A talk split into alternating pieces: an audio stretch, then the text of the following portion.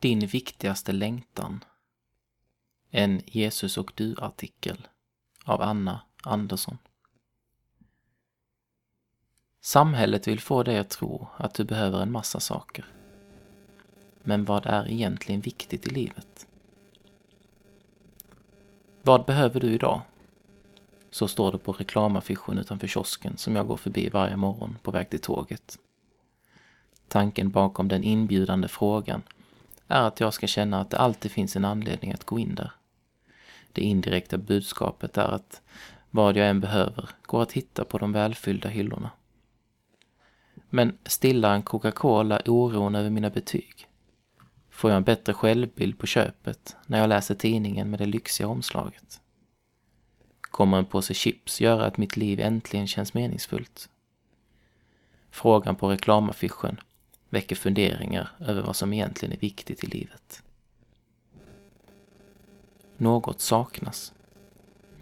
Alla är vi nog överens om att det som människan verkligen behöver inte går att köpa för pengar.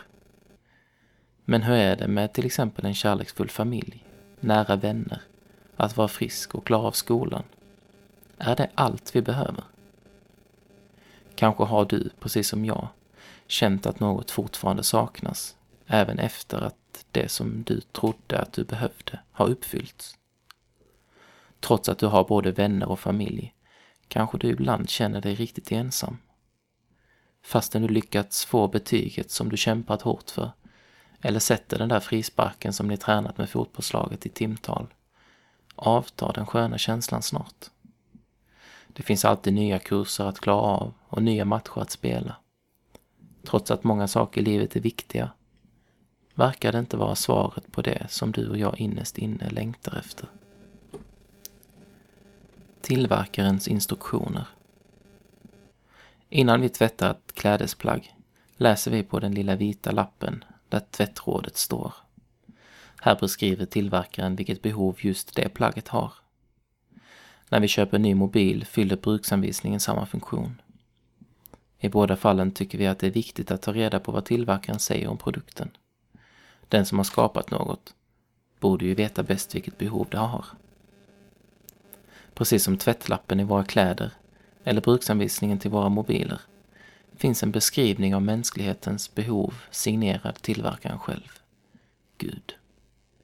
I Bibeln förklarar din skapare att det som du verkligen behöver är att leva i en relation till honom. Först då kan tomrummet i ditt inre fyllas.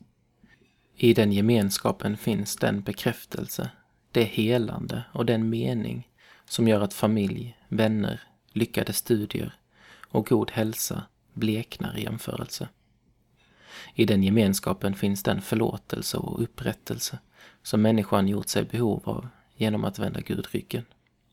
I den gemenskapen finns liv bortom tomheten och ända in i evigheten. Tomheten är en möjlighet. Tomheten som du ibland känner är ett tecken på att du är skapad för, för något mer. Eller rättare sagt, någon mer.